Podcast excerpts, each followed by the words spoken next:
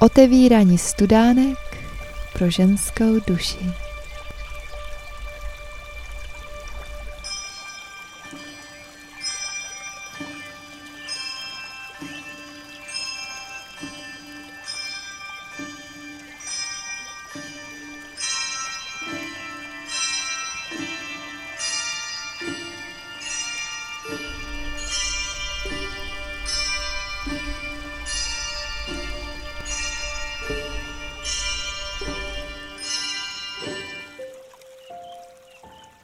Doktorka Věra Bezděková, cyklus sedmi přednášek pro ženy.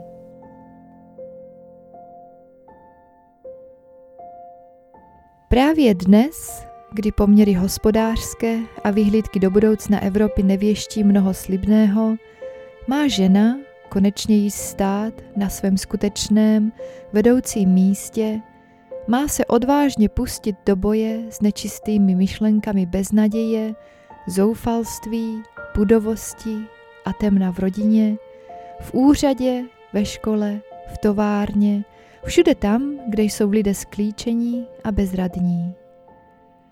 Ale nesmí se přitom stát ženou mentorující a starostlivě poučující, ženou, která si je příliš osobivě a samolibě vědoma svého vysokého úkolu, to jest vést k zušlechtění a jistotě.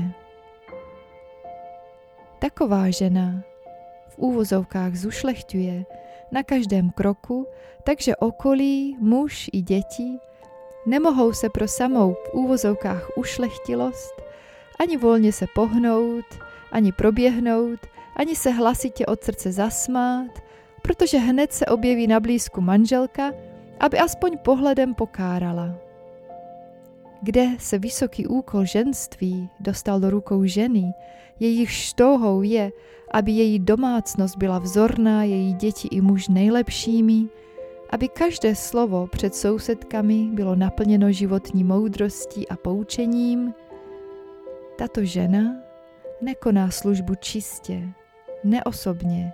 V každém jejím hnutí je snaha se vyznamenat, jestli ne před lidmi, tedy před Bohem. A zase v ní skrývá jen veliká ješitnost a ctižádost, o to však hroznější, že je skryta za předstíranou službou nejvyššímu úkolu ženinu. Žena, která si je plně vědomá svého úkolu, jemuž musí sloužit nejen věrně, ale i neosobně, bez domýšlivosti, Taková žena působí více mlčením, svým světlým vnitřním nastavením a radostným činem, než sentencemi a poučováním. Neboť žena má ještě jednu schopnost, která umožňuje její mlčenlivou činnost, vyzařuje na okolí celou svou bytostí buď jas a radost, nebo nespokojenost, závist, povýšenost a jiné. To znamená, že celé myšlení ženino, její city a celé její nitro musí být naplněno jasem, světlem a naprostou vírou v život, v něco vyššího. Každá nedůvěra v drobnou věc, každá pochybnost o dobrém a šťastném výsledku, každé podezírání je stěnou nečistých myšlenek tyčících se před člověkem jako pásmo nebetyčných hor.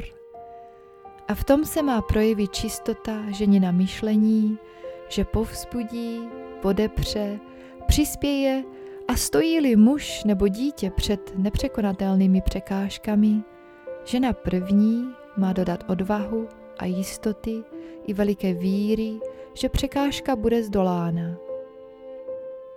Žena si musí ale tuto svou vnitřní čistotu a jas chránit. Musíme si být také vědomi toho, že se nesmíme vystavovat vlivům nečistého myšlení jiných osob, protože myšlení a cítění lidí je energie na nás vysílána. V našem nitru ulpí něco z toho, co se tam dostalo z cizích myšlenek, citů, vášní a žádostí, aniž jsme si toho vědomi. A v době, kdy jsme sami přestali být dosti bdělými, soudce unavený, nebo v době zvýšené citlivosti, tyto vlivy nečistého myšlení a cítění počnou působiti.